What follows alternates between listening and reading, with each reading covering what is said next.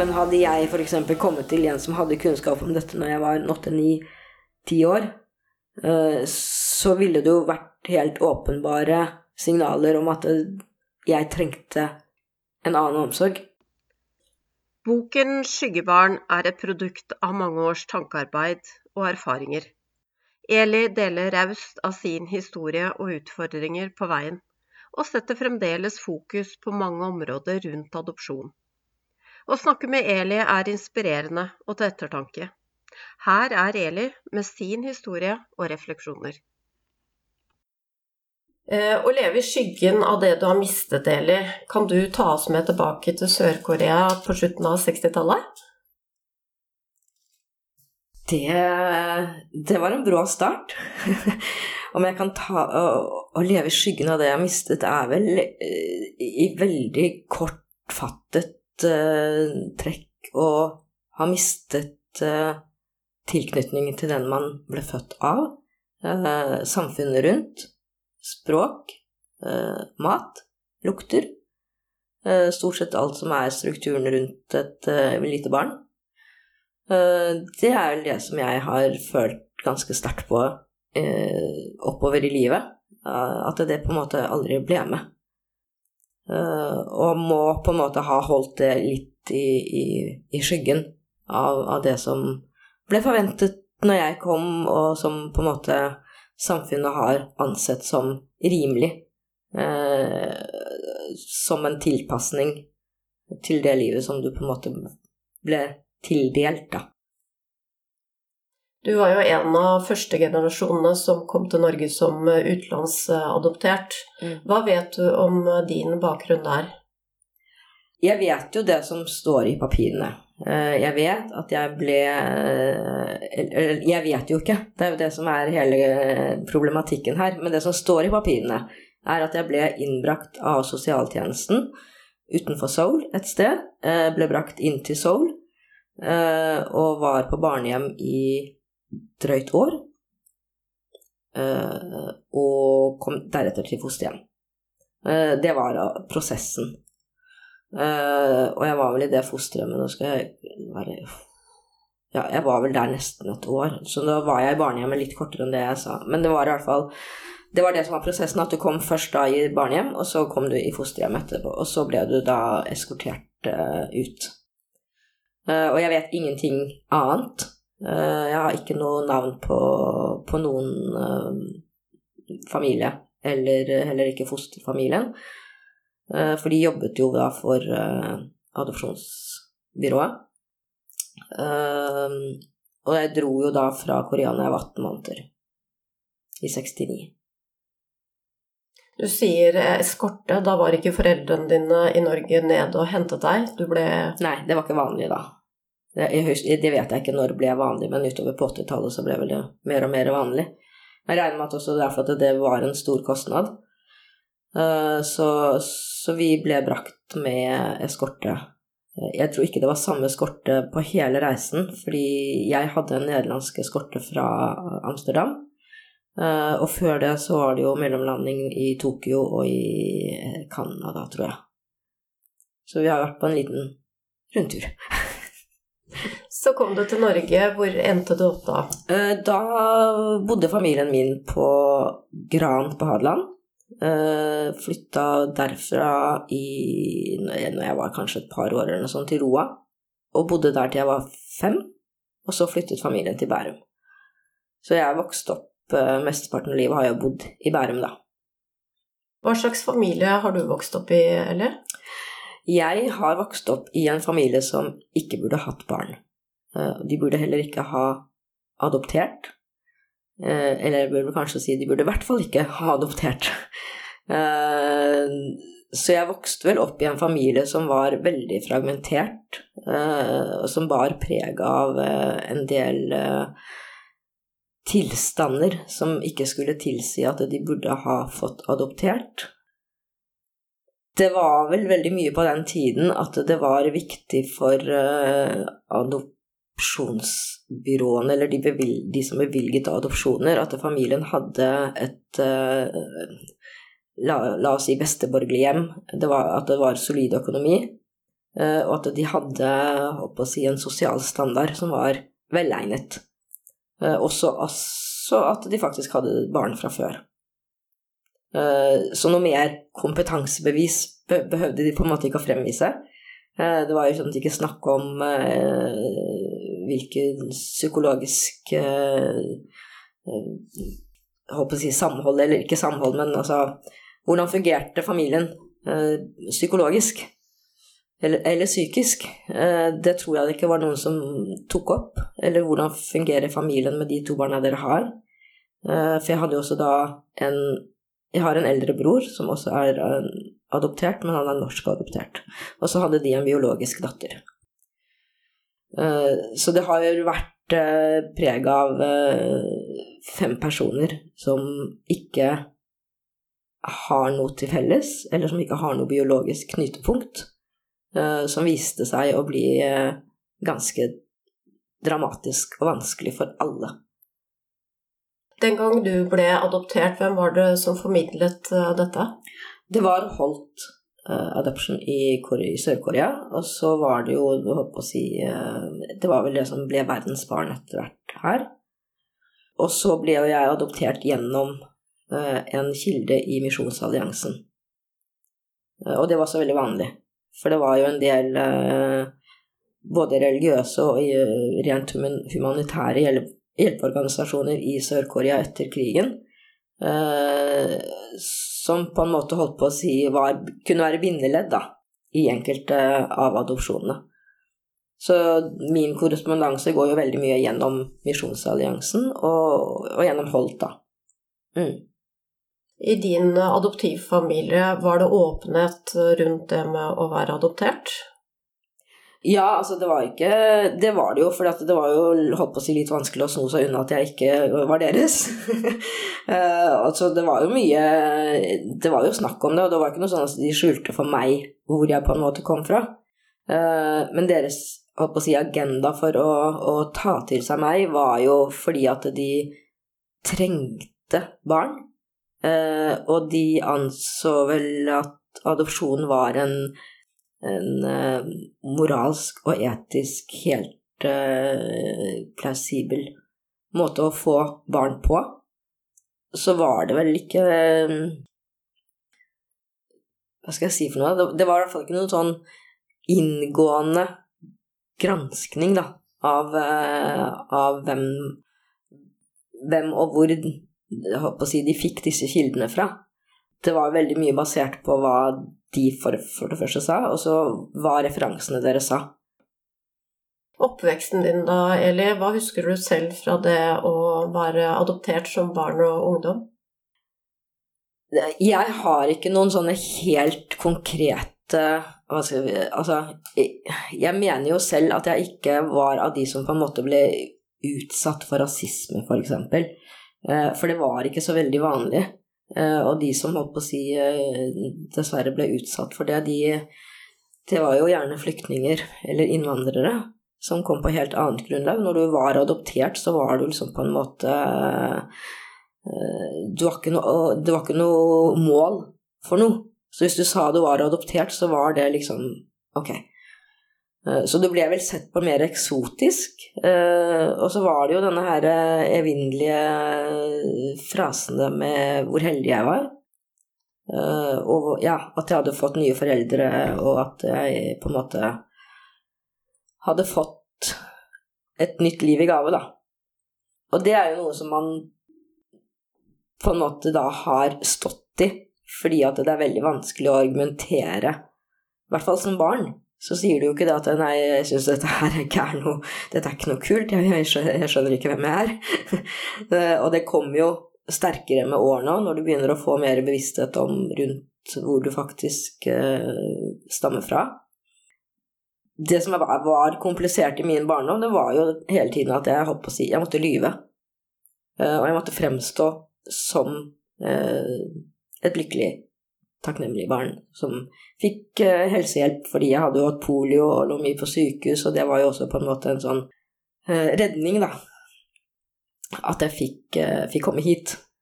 Så det var mye prega av at jeg holdt på å si ikke kunne utgi meg som den jeg følte at jeg var. Jeg var mye redd, og jeg var mye lei meg og, mye alene om disse tankene, så jeg hadde liksom ingen eh, Det var jo ingen som tok opp dette i noen sammenhenger generelt, så det, det var eh, har, Bortsett fra det så hadde jeg jo egentlig et helt normalt norsk liv med alt som på en måte det, det innebarer, og, og man prøver liksom til å, å, feste seg ved det som kan være godt, da.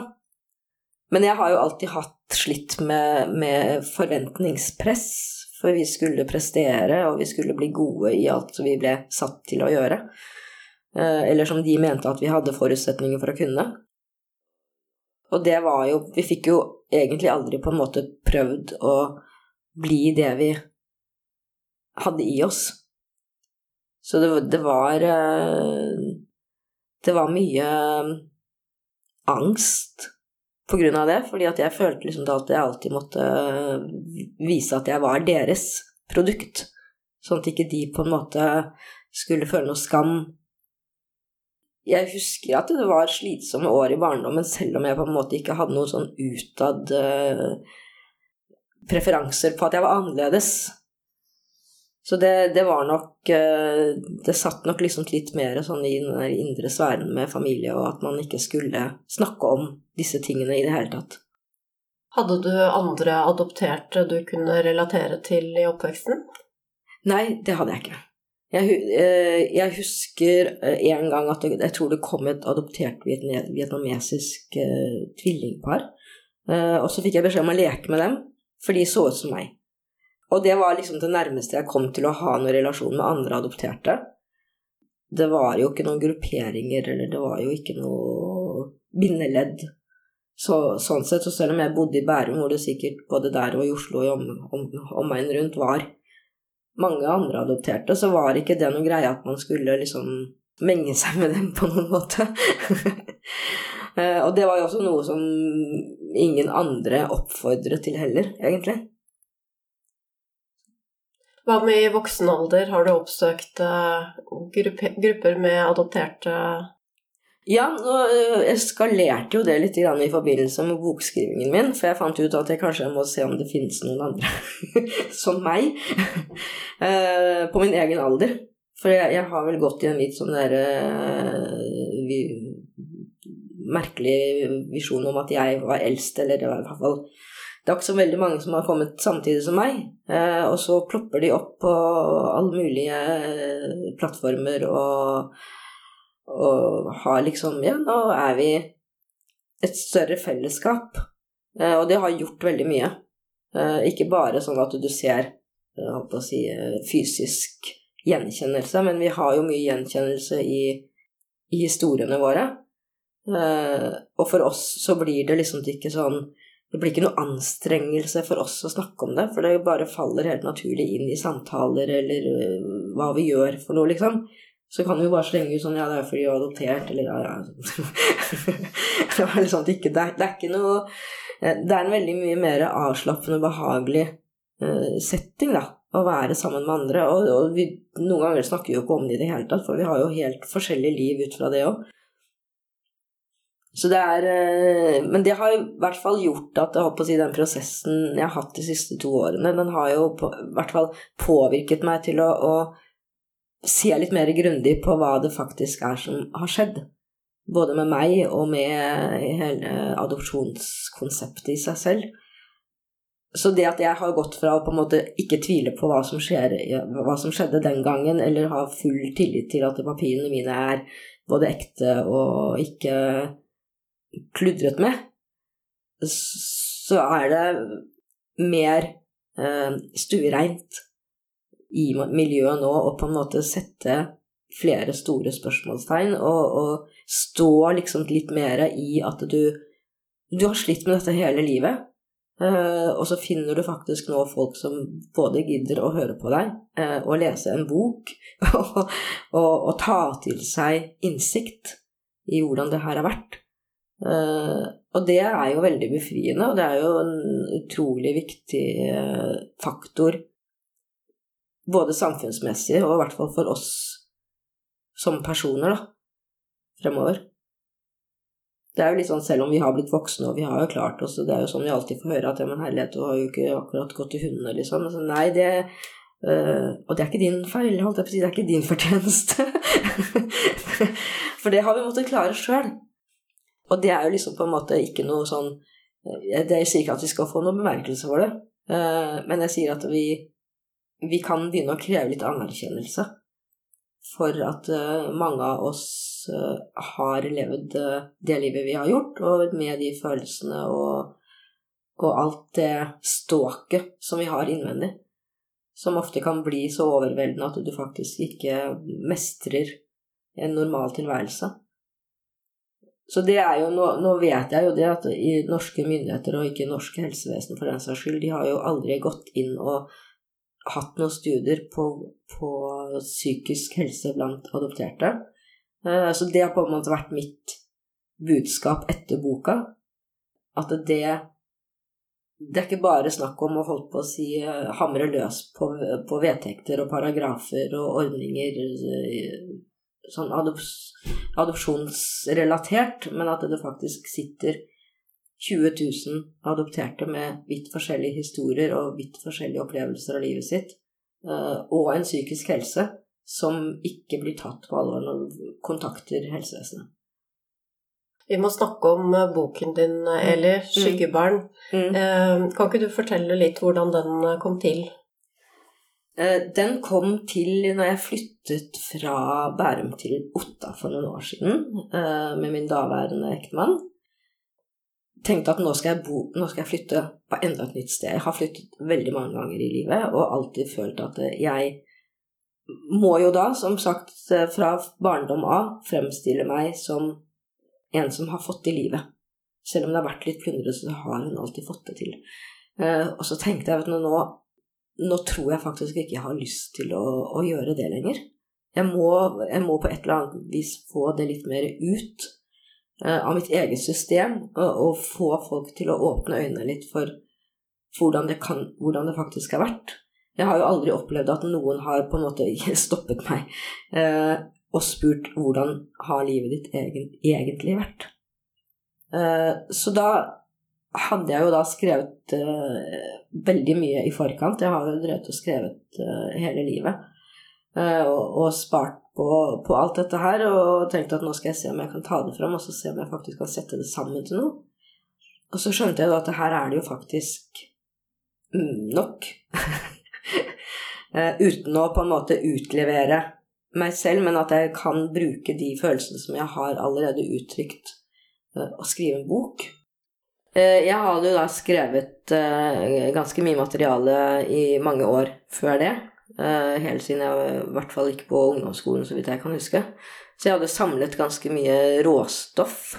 Uh, som jeg da samlet i litt sånn Prøvde å rydde litt kronologisk rekkefølge og prøve å liksom tuske litt tilbake åssen ting uh, utartet seg. Så satte jeg dette sammen og sendte det da til en redaktør som jeg kjøpte.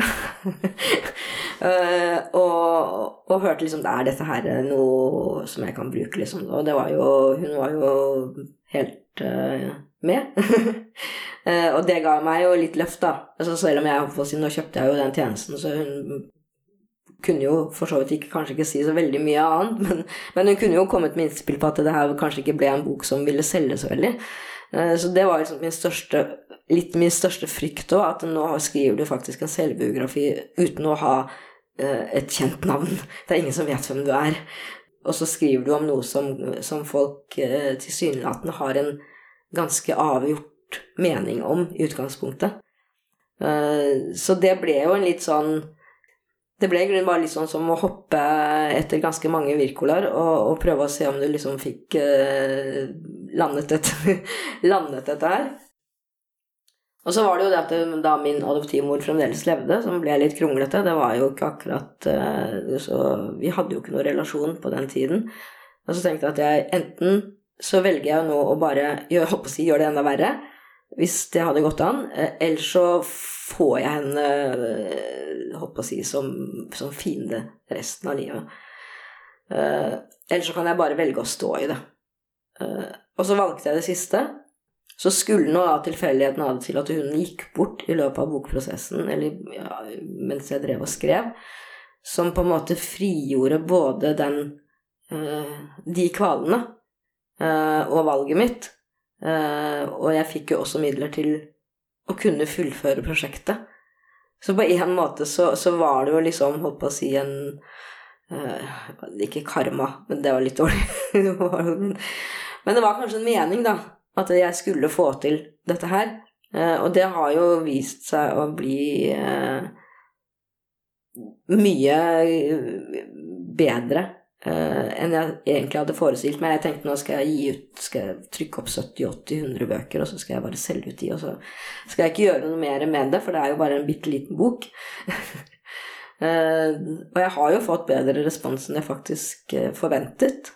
Uh, og det Sånn sett så har jo på en måte det slitet jeg hadde med å skrive alt ned og, og bla opp gamle historier og tenke etter åssen ting var, som på en måte har blitt en del av denne lange prosessen helt frem til nå. Det, jeg ser jo det at jeg avsluttet jo boka på en måte med noe som på en måte skulle uh, tilsynelatende være noe konstant. Uh, og det har det jo vist seg å ikke være. og det er det som på en måte er litt sånn Det er det som jeg liksom har hektet meg litt på nå, at den boken er jo ikke ferdig. Eller jeg er jo ikke ferdig med det jeg ønsket å få til med den boken.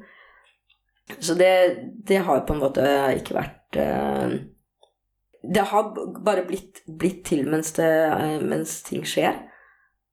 Og det er jo ganske fascinerende, da, for jeg hadde jo på en måte bare sett for meg et avsluttet kapittel, bokstavelig talt, og så er jeg ferdig med dette. er det en bok du tenker du kunne ha skrevet for 30 eh, år siden? Nei. For 30 år siden så sto jeg i, i veldig mye vanskelig.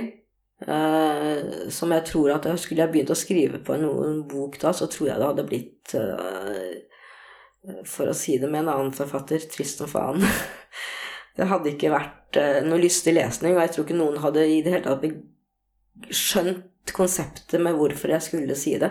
Så jeg tror timing, altså, altså alt sånn som på en måte uh, livserfaringer som må modnes, uh, og som du en måte må vite at du både kan stå i og utvikle deg videre, det, det må du på en måte bare ikke buse ut med i det øyeblikket du føler at det du skulle, altså jeg tenkte jo på å skrive bok for mange mange år siden, og det var jo på en måte liksom noe som uh, surret rundt i hodet på meg, men jeg var jo veldig bastant på å slå meg selv i mm, bakhuet og si at det kan du ikke gjøre. Så jeg tror det har vært en del av prosessen. å bare liksom tatt den tanken litt sånn ut og inn, og så prøvd å bare få Ja. Få meg selv på plass litt mer. Og så kan jeg kanskje prøve å gjøre det på en reflektert og gunstig måte, sånn at folk faktisk eh, hører etter. For de som ikke har lest boken, kan ikke du ta oss gjennom noen av de temaene du belyser der? Jeg har jo snakket en eh, Jeg snakker en del om tilknytning eh, til min første mor, eh, som jeg jeg uttrykker vel ganske mye savn og sorg og spørsmål om hvorfor dette skjedde. Samtidig som jeg også holdt på å si reflekterer over hennes tilstand på den tiden, som umulig kan ha vært enkelt. Og samtidig er det også tilknytning til min nye adoptivfamilie som, eh, som, ble veldig turbulent. Eh, jeg har jo selvfølgelig ikke kunnet ta med alle hendelser, eller på en måte lagt ut ting som kan gjenkjenne dem. Men, men, eh, men, på en annen side så har jeg skrevet på den måten at folk som f.eks. da kjenner meg litt fra før, har fått et helt annet perspektiv på hvordan det var. Og det har vært veldig flott. Jeg har også tatt opp min egen morsrolle. Jeg har skrevet et lite kapittel om meg og barna. Eh, fordi at jeg opplevde det å bli mor som veldig vanskelig. Det var altså nesten noe av det vondeste og vanskeligste og forvirrende jeg har vært med på. Og det å på en måte ha skyldfølelse da, for at du ikke eier den morskjærligheten, eh, som ble egentlig bare tillagt at jeg hadde en fødselsdepresjon, og at eh, relasjonen med barnefaren ikke var optimal, og, og alt det der. At, liksom, ja, da, men da går det over. Eh, og det gjorde det jo ikke. Og det har, det har, jo liksom sittet i meg ganske lenge at det, det her har jo jeg opplevd i mitt eget liv helt fra, jeg, helt fra min start. Uh, og ikke ha den tilknytningen og ikke ha den støtten og omsorgen. Uh, og så påfører jeg på en måte dette til mine barn, og det, det var en veldig traumatisk eh, opplevelse å bare kjenne på. Eh, nå er jo de voksne, nå er, nå er, jo begge to godt voksne og etablerte og, og har eh, De har nok ikke den samme opplevelsen av meg som det jeg hadde. Men jeg sa fra meg omsorgen på et tidspunkt fordi at det ble for tungt, både fysisk og psykisk. Uh, og det har jo selvfølgelig liksom bidratt til at jeg alltid vil ha en dårlig samvittighet. Fordi jeg ikke strakk til, og, og fordi at jeg på en måte sånn Ikke skylder på, men at det, det, jeg ikke fikk med som liten, at det uh, har jeg overført til mine barn. Tatt med en del om min uh, rotløshet, som også er en av faktorene som adopterte ofte sliter med. nå har jeg kanskje tatt i litt ekstra for min egen del, så jeg har jo flyttet titalls ganger. Og det har jo også meg å, altså fått meg til å tenke liksom sånn identitetsmessig, eller tilhørighetsmessig, betydde virkelig det å bli revet vekk fra det jeg hadde så tidlig, at jeg i løpet av et så langt liv da, på en måte har befestet seg så grundig at jeg aldri vil finne ro. Og det er både skremmende, og det er ganske ubehagelig. Fordi det er jo vanskelig for folk å på en måte se for seg det at uh, Hvorfor i all verden driver hun og virrer uh, fra sted til sted til sted til sted i årevis uh, og ikke lander og ikke får relasjoner til å fungere? Hva er det liksom Hva er det som trigger dette hele tiden? og så skulle jeg gjerne hatt et svar, fordi det hadde vært så mye enklere.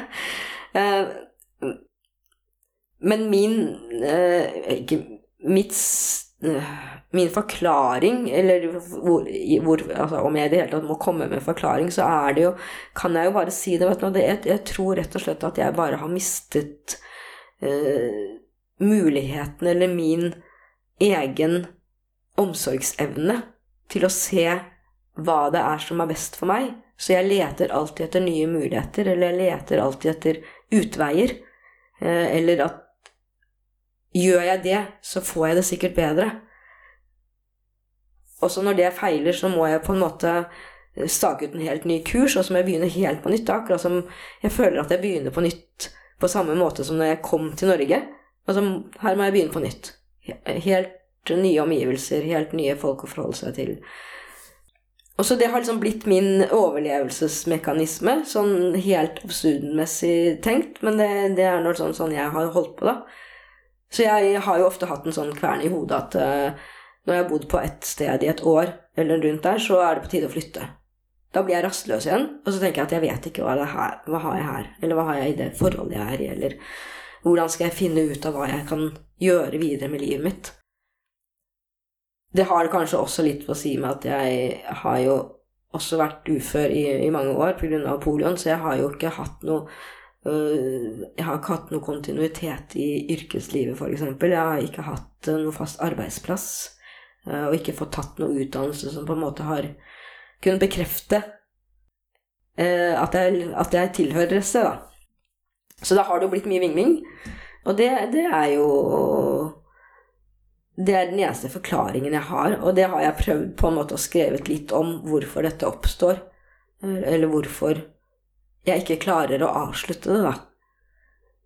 Men jeg har, jeg har jo som sagt jobbet mye mer med min psykiske helse i løpet av denne prosessen. Og det kommer dessverre kanskje ikke så veldig tydelig fram i boka.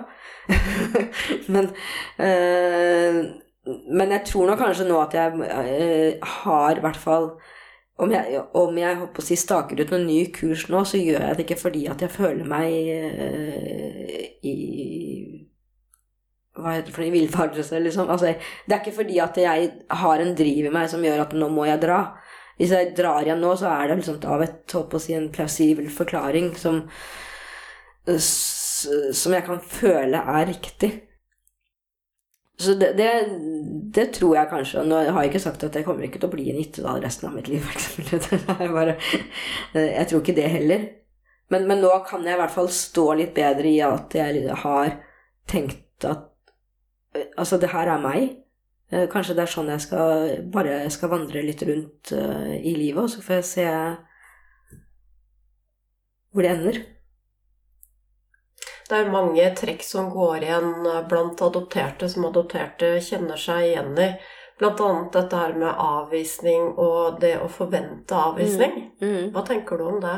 Det er veldig relevant. Det er noe som jeg tror eh, eh, har på å si har vært en sånn underliggende årsak hele veien. Fordi at livet vårt da åpenbart startet med en avvisning. Eh, den kan, kan ha startet allerede i mors liv, eller startet i hvert fall den dagen du ble tatt vekk. Eh, og det å alltid være redd for avvisning, eh, uansett hvor mye bekreftelse du får, det er veldig forvirrende for både den som ønsker å ta deg inn, og, og veldig mye for deg selv, for at du føler deg så utakknemlig, eller sånn uh, At du lever i denne her uh, tunnelen, da.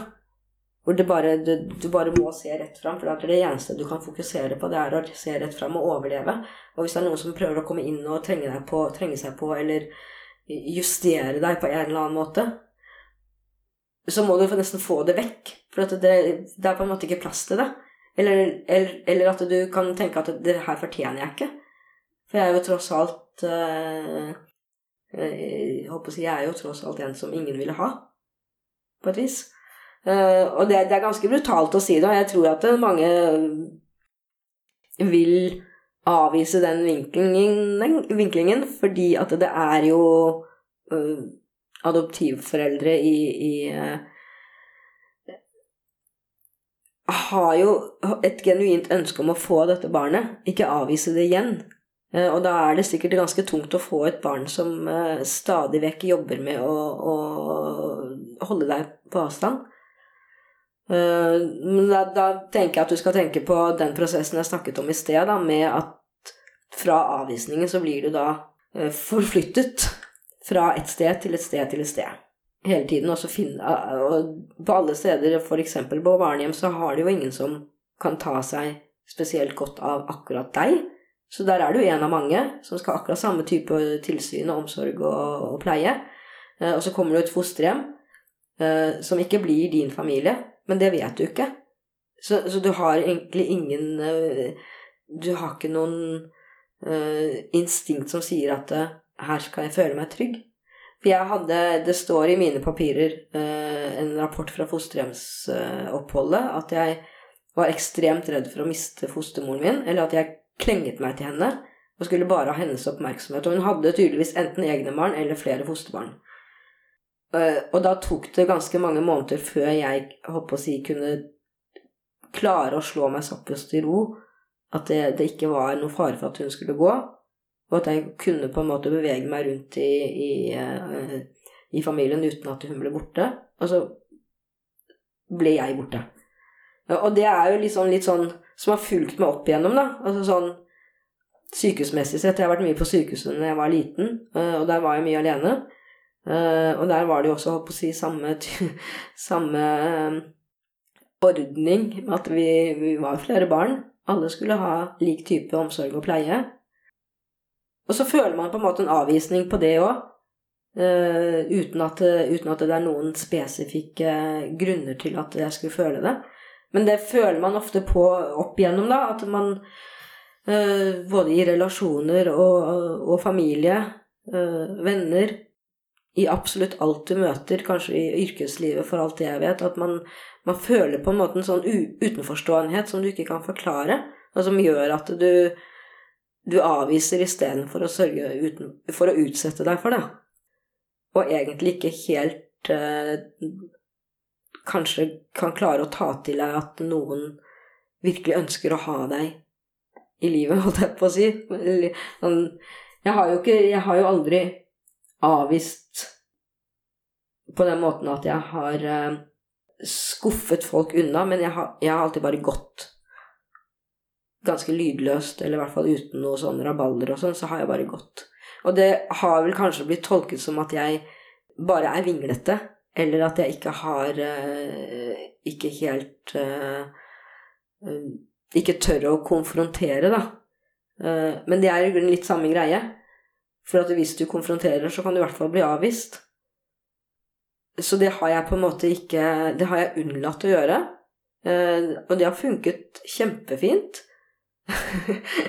Men det har jo Samtidig så har det virkelig ikke funket, fordi at jeg har eh, utsatt meg for ganske mye eh, stress ved å gjøre disse tingene om igjen og om igjen og om igjen.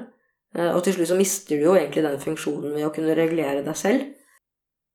Så hvis jeg hadde gått oftere i avvisning og liksom tenkt at nå avviser jeg, nå er det det jeg gjør, så hadde jeg kanskje kunne klart å regulere meg inn igjen på et eller annet tidspunkt og, og sett liksom at dette her har jo ingenting med at du ikke tåler å stå i situasjonen, men det er bare ingen som er der og hjelper deg til hvordan denne mekanismen skal skje. Så på en måte så blir det en litt sånn trassreaksjon, da. Så hvis du vet jo at hvis barn ikke får være trassige, eller på en måte ikke får uttrykke uh, disse behovene som, som de har, uh, uten å på en måte kunne være veldig verbal, så blir det veldig oppført som opp, uh, opplevd som trass.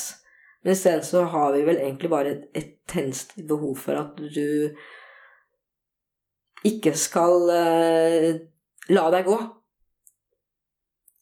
Så det, det, er noe Jeg tror at det, det med avvisning, det er uh, veldig, veldig grunnleggende, grunnleggende og, og, setter ganske stort preg på, på, mye av livet, selv om man kanskje ikke akkurat uh, står i det sånn veldig konstant. Du skriver jo også om uh, det her med følelsen av å bli forlatt. Mm. Eh, nå har vi snakket litt om avvisning. Jeg oppfatter at kanskje det er litt forskjellig fra det å avvise. For eh, sånn som du sier med det å gå først, og mm. forlate mm. noen før du selv blir avvist Ja. Mm. Jeg, jeg si, Det er vel litt vanskelig å si om det er si, to sider av samme sak, eller åssen det blir, men jeg, jeg kjenner jo på dette her med å bli forlatt som en sånn endelig det er en endelig avvisning. Jeg, og jeg kan kjenne på det når folk går fra meg, eller når jeg skal gå fra noen som jeg, håper å si, jeg egentlig har veldig lyst til å holde på å si bare bli hos. uh, og så går jeg, og da kjenner jo jeg på at nå avviser jeg dem, eller nå forlater jeg dem, uh, og jeg kommer aldri til å se dem igjen, eller et, et eller annet sånn Altså veldig mye sånn katastrofetenkning, da. Og det er en ting som jeg jobber ganske mye med. Eh, og på en måte, jeg håper å si, også skjerme meg for å oppleve.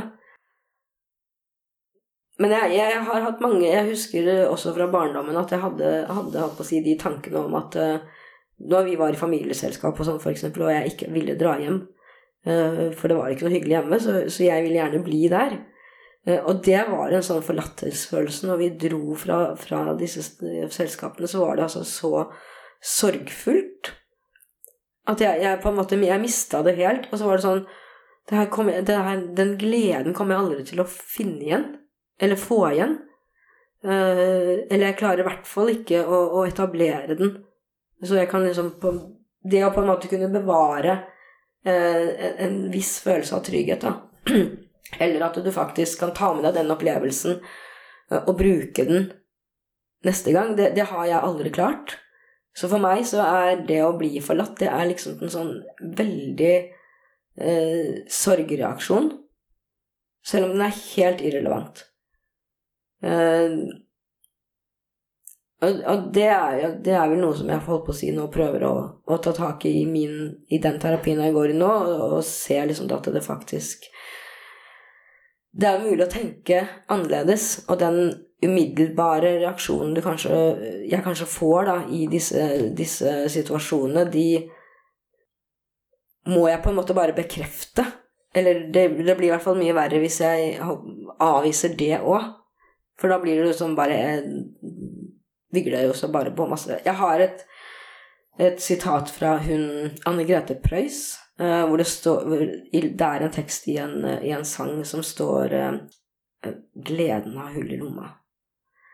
Uh, og jeg, det, det, er, det, er, faktisk noe som jeg tenker på ved holdt på å si, det å bli forlatt, eller forlate noe som på en måte er trygt og forutsigbart akkurat der og da, og så blir det borte, og så klarer ikke jeg på en måte å la det bli i meg som, et, eh, som, noe som jeg kan ta med meg til neste gang den opp, eh, situasjonen oppstår. Sånn at det på en måte kan bli fylt opp, eller tettet igjen, og bli der. Det, det, det var en veldig sånn fin setning, da, som jeg har liksom tenkt på at det, det er kanskje akkurat det som var første Det første som skjedde, det var at eh, det, det hullet ble bare åpnet opp, og så er det ingen som har brydd seg om å fylle det. Når det gjelder tilknytningsforstyrrelse, det er jo faktisk mm. en uh, diagnose. Mm. Uh, tenker du at det er et resultat av det å bli forlatt uh, og dette her med avvisning, som, som vi har pratet om nå? Mm. Ja, tilknytningsdiagnose er, er, jo et resultat av å si, den mekanismen som skjer i et barn som blir forlatt, eh, avvist, eh, har veldig mye turbulente eh, omflytninger, f.eks., hvor man ikke klarer å knytte seg godt nok til gode omsorgspersoner. Så den tilknytningsforstyrrelsen rammer jo Eller jeg vet det kanskje bare å si rammer, men den, den oppstår hos barn som uh, er adopterte, fosterbarn, eller barn i hjem med omsorgssvikt. Uh, og den er jo ganske Den er på en måte ganske tydelig, men den er også ganske diffus. For at når jeg går rundt de andre og sier at jeg har tilknytningsforstyrrelse, så jo, får jeg vel egentlig bare respons på at ja, du har jo selvfølgelig det, for du er jo adoptert. Men det er på en måte ingen som er så Holdt på å si eh, Har så mye kunnskap om hvordan det faktisk fungerer eh, for, et, eh, for en person fra dag til dag. Hva, vi har masse responser og triggere som ikke nødvendigvis verken blir sett eller hørt eller oppfattet som at du, du, sliter med noe som helst. Så for mange så er det liksom bare en sånn betegnelse på at uh, du ikke fikk den omsorgen du trengte. Uh, så jeg, jeg, må innrømme at jeg er litt skeptisk til at den diagnosen blir brukt i psykisk helsevesen, fordi at det uh, Det er jo en traumetilstand og som sånn sett adoptiv eh, Fra adoptivvinkelen, eh, da, så er det jo på en måte ingen som har grepet fatt i det og sett hvordan det på en måte kan eh, lindres eller behandles eller ja være en sånn anerkjent diagnose som bare adopterte på en måte kan ha, forholde seg til. Og jeg sier ikke at det, det her rammer jo overhodet ikke alle adopterte.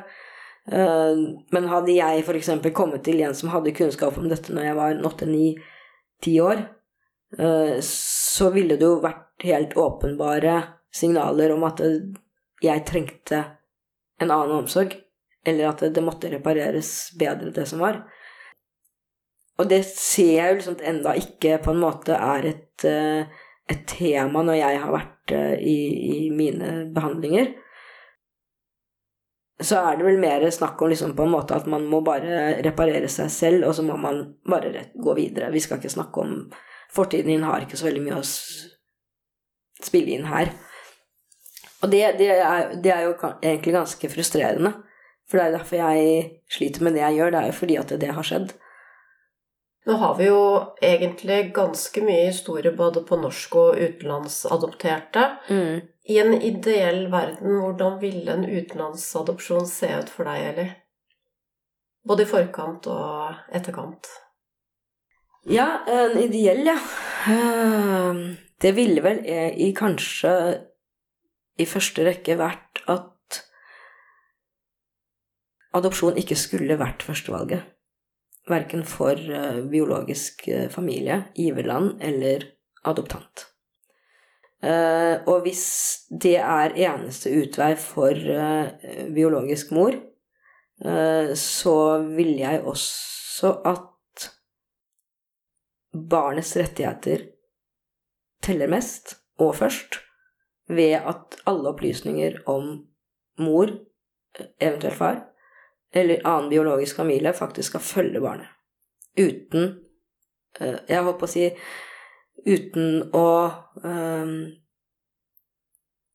gjøre dette til en, en, en mer vanskelig prosess for biologisk mor, da. Men da igjen som jeg mener at, at giverlandet uh, Det må kreves av giverlandet at de har prøvd alle muligheter i forkant.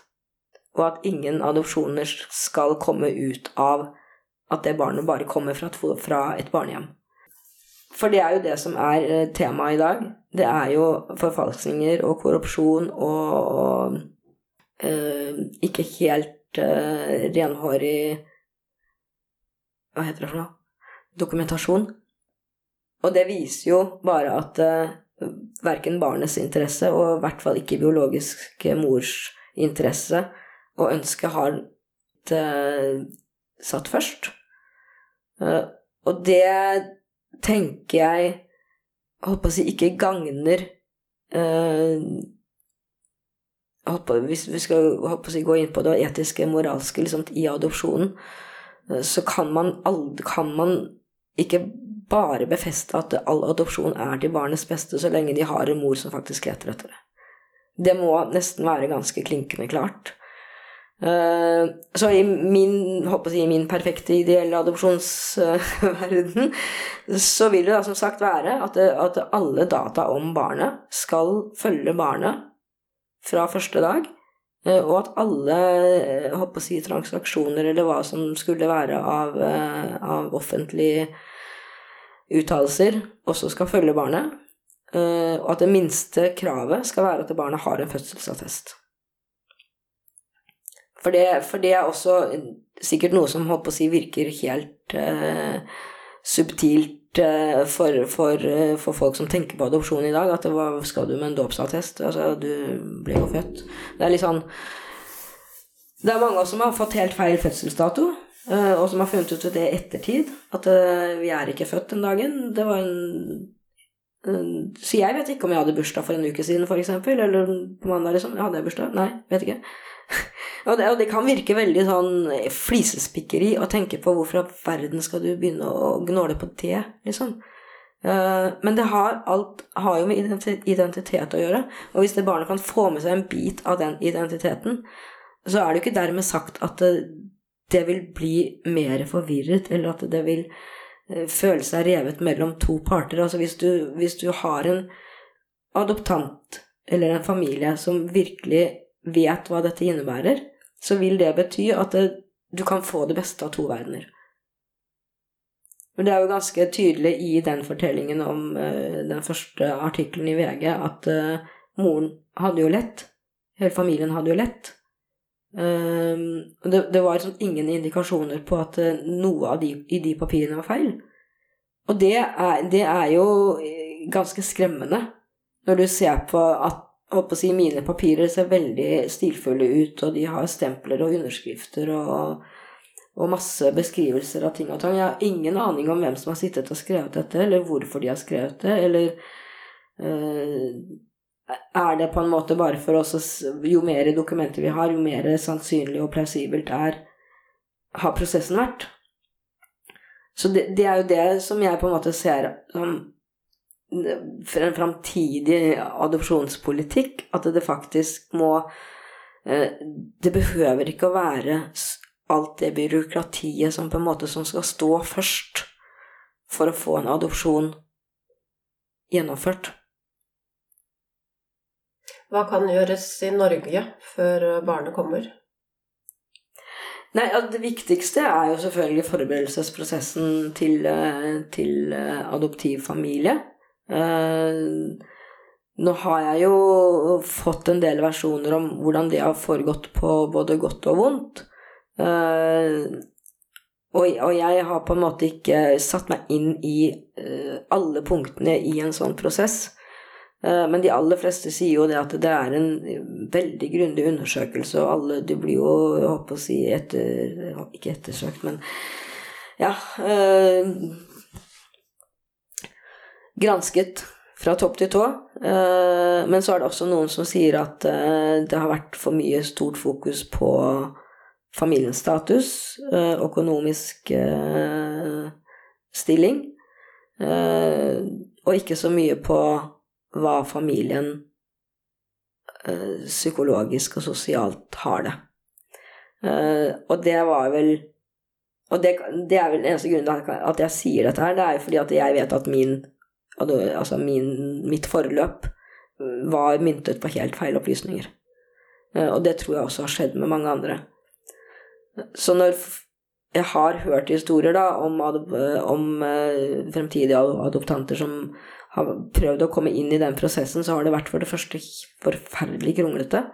Eh, og nitidig på et sånt plan som egentlig er helt surrealistisk. Uh, mens den biten med på en måte liksom, hvor egnet er du som foreldre utenom at du har god økonomi og har et fint hus og har det rent og pent, uh, at man på en måte stiller Altså kravene må på en måte gå på et annet plan. Uh, som for eksempel at de som vet, de som holder på med denne prosessen, f.eks. kommer på uventet hjemmebesøk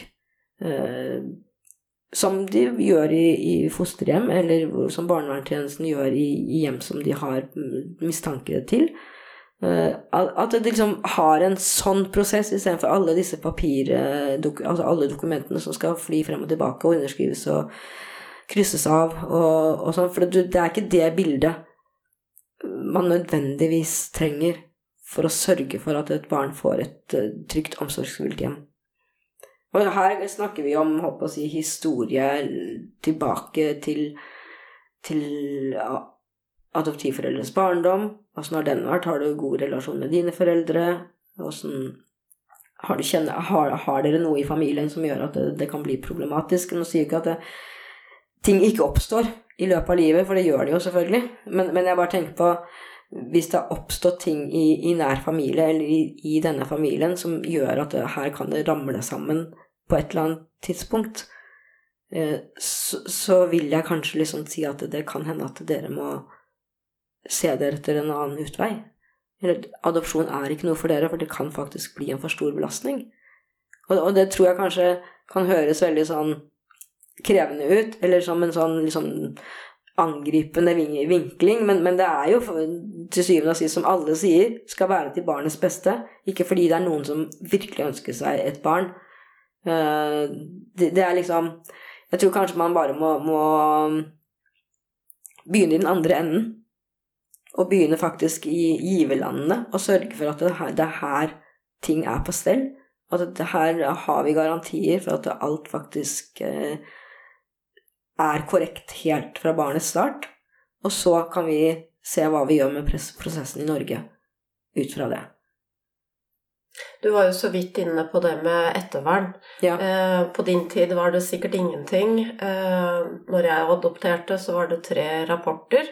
Mm. Eh, hva syns du om ettervernet for adopterte? Jeg syns jo det er fraværende generelt. Jeg har jeg har ikke snakket med så veldig mange, verken adoptanter eller adopterte, som har, har, sagt at det er noen som har eh, etterfulgt dem i, i tiden etter. Verken på småbarnsplan eller senere i livet.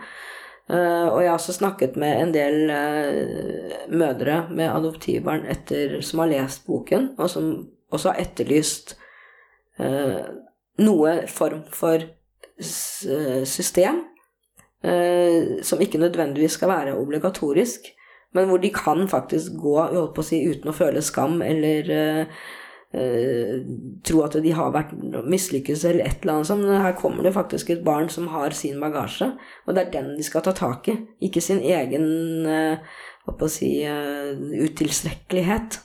Så det er der jeg tror ofte det skorter litt også. At det, si, adoptivfamilier er, har ikke snakket om dette, de heller. fordi at det, det kan fort liksom ende i at de blir sittende som de skyldige. og det er jo overhodet ikke det det er snakk om. Så det at en adopsjonsprosess på en måte avsluttes den dagen barnet lander på Gardermoen, eh, det har for mange liksom bare blitt en sånn Ja, der gikk den døra igjen. Nå er vi helt for oss selv. Og så vet de på en måte ikke helt åssen de skal forholde seg til verken myndigheter eller eh, Kan vi snakke om dette på helsestasjonen? Eh, ja. Er det sånn noen som har noen begrep om det? Så det er også litt sånn min Det som jeg også ønsker, at f.eks. barnevernstjenesten Uh, håper å si, Om ikke de har et team, men at de har en øh, fagmessig kompetanse på det. Sånn at de kan ikke gripe inn, men altså de kan bistå i akkurat den problematikken. Og ivareta hele familien. For det, det er jo til syvende og sist dette barnet skal jo vokse opp i denne familien, jeg håper å si, enten det vil eller ikke. Uh, og da er det jo utrolig viktig at foreldre får kvali kvalifisert støtte ikke bare noe sånn velvillig uh, håndsoppretning, håndsuttrekning nå da. For det blir jo veldig For det første veldig uryddig og sporadisk og, og forvirrende. Så jeg snakker jo ikke om at man skal ha en sånn suksessiv eh, behandling i år fremover eller noe sånt, men det må jo være For at det her hos et adoptivbarn så oppstår jo ting eh, i, med ujevne mellomrom.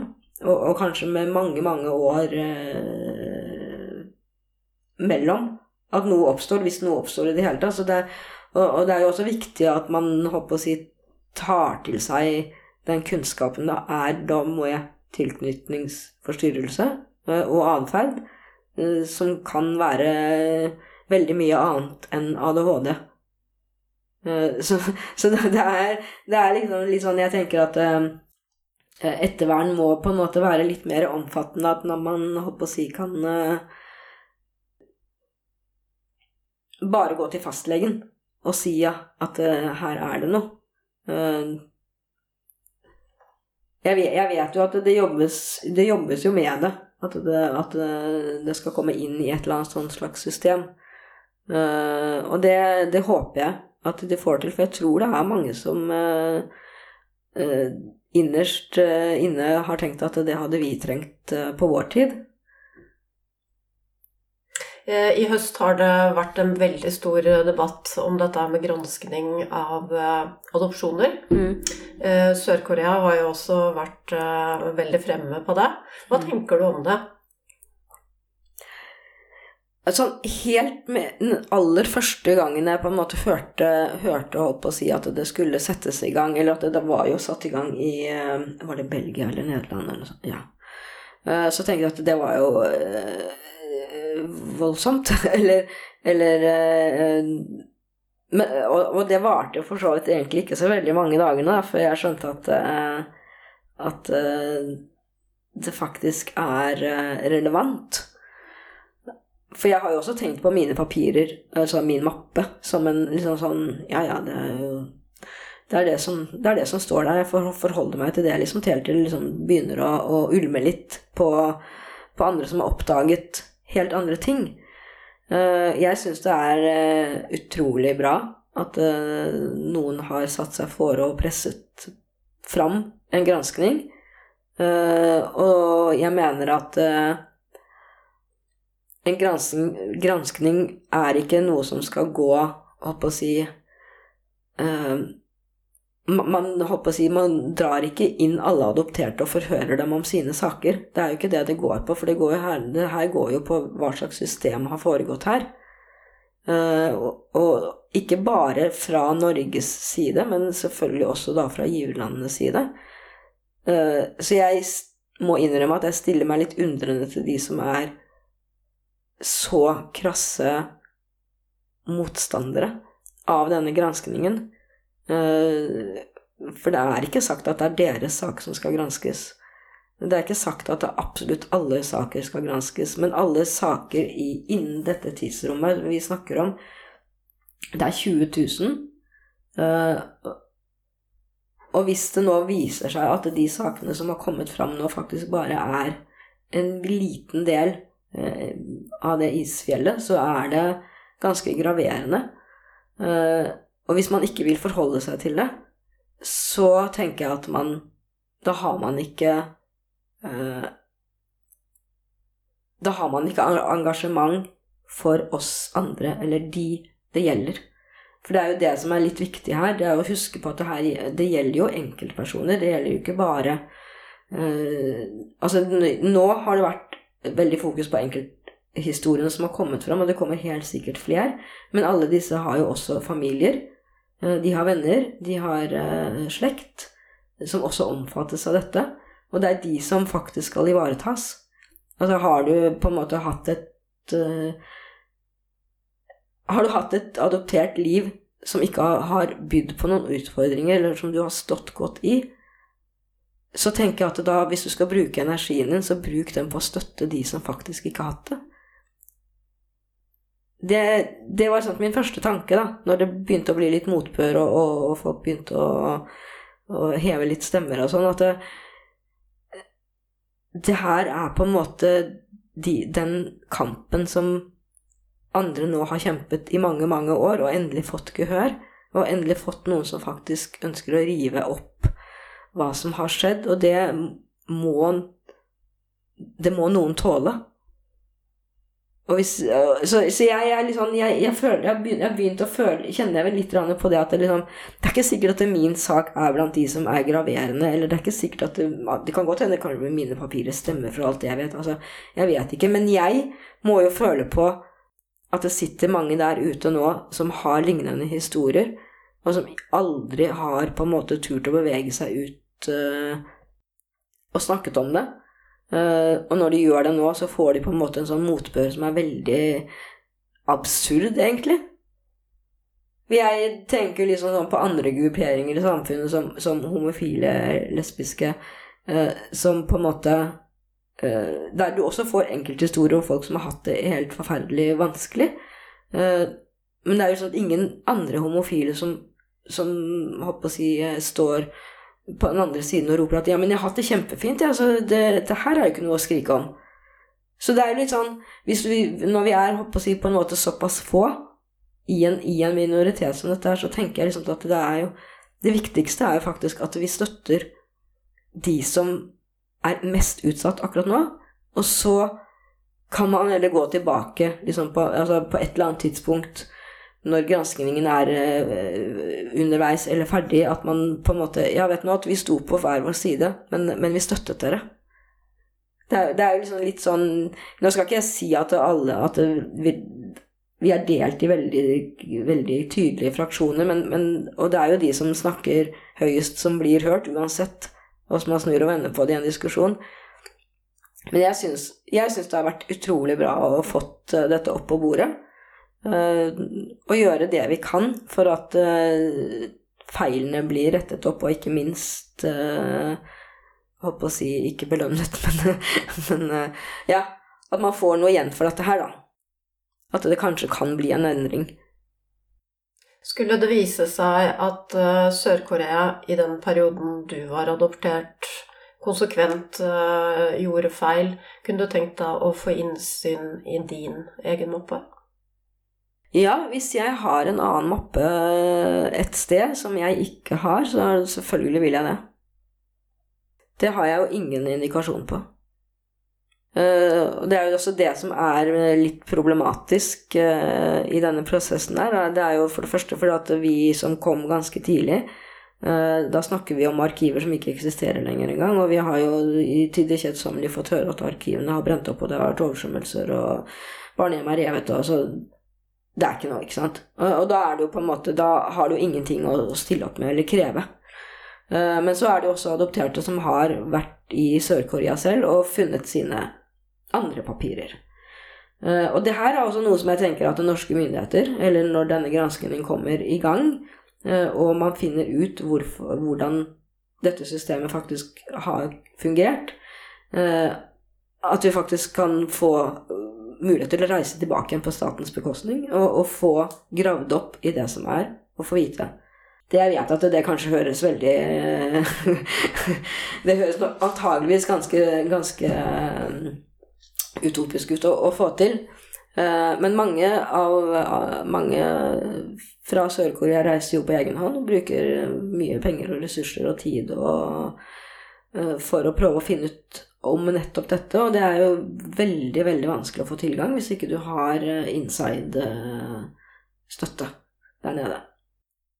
Så det tenker jeg også at jeg håper å si, et av utkommene på en gransking skal være at eh, nå skal alle dokumenter frem der nede.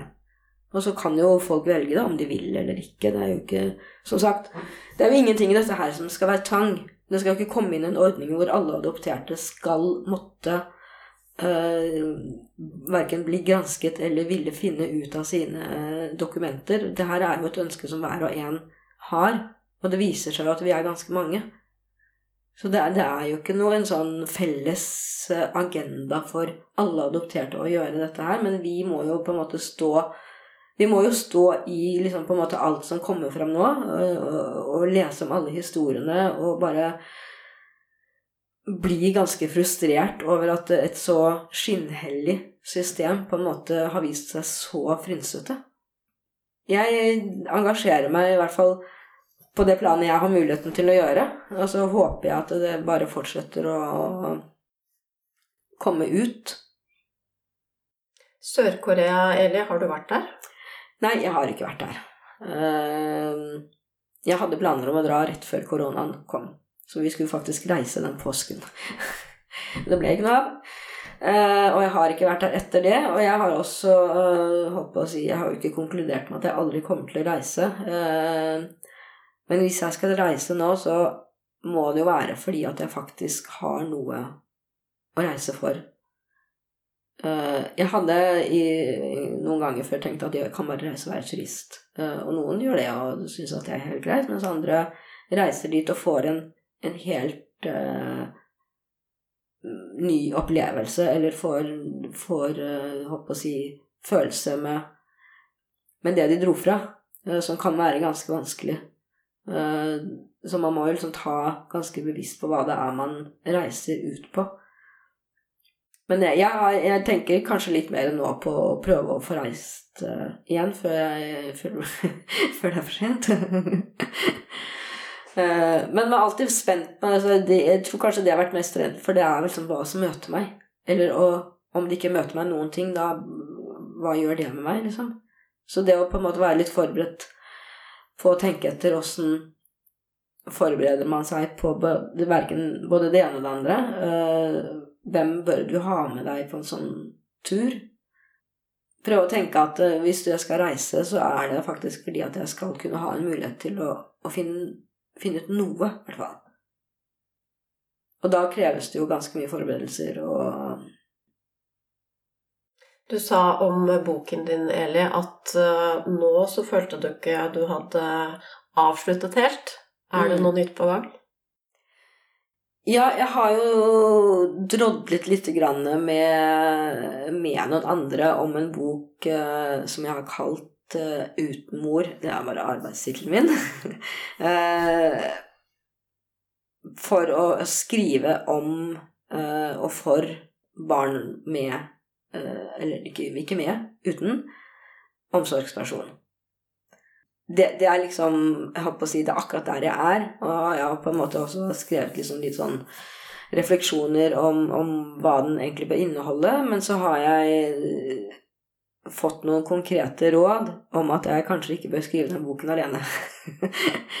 Fordi den kan kanskje bli litt mer sånn Det kan bli en tydeligere bok hvis jeg har mer fagfolk involvert, som kan på en måte understøtte og ja, og ha det som et uh, fag selv, da. Jeg, jeg kan jo bare skrive som uh, med de erfaringene jeg har, og med andre jeg har snakket og sånn, men jeg tenker at det kan bli en veldig sånn Ja, altså jeg tror ikke den vil bli så veldig givende for, for noen, holdt jeg på å si. Eller det vil bare bli en sånn eh, bok med mye triste greier, og så har jeg på en måte ikke noe fagkunnskap til å på, lette litt på det, da. Eller for å eh, Så det, det er vel egentlig det jeg har litt lyst på, som jeg tenkte jeg skulle prøve å få til, da.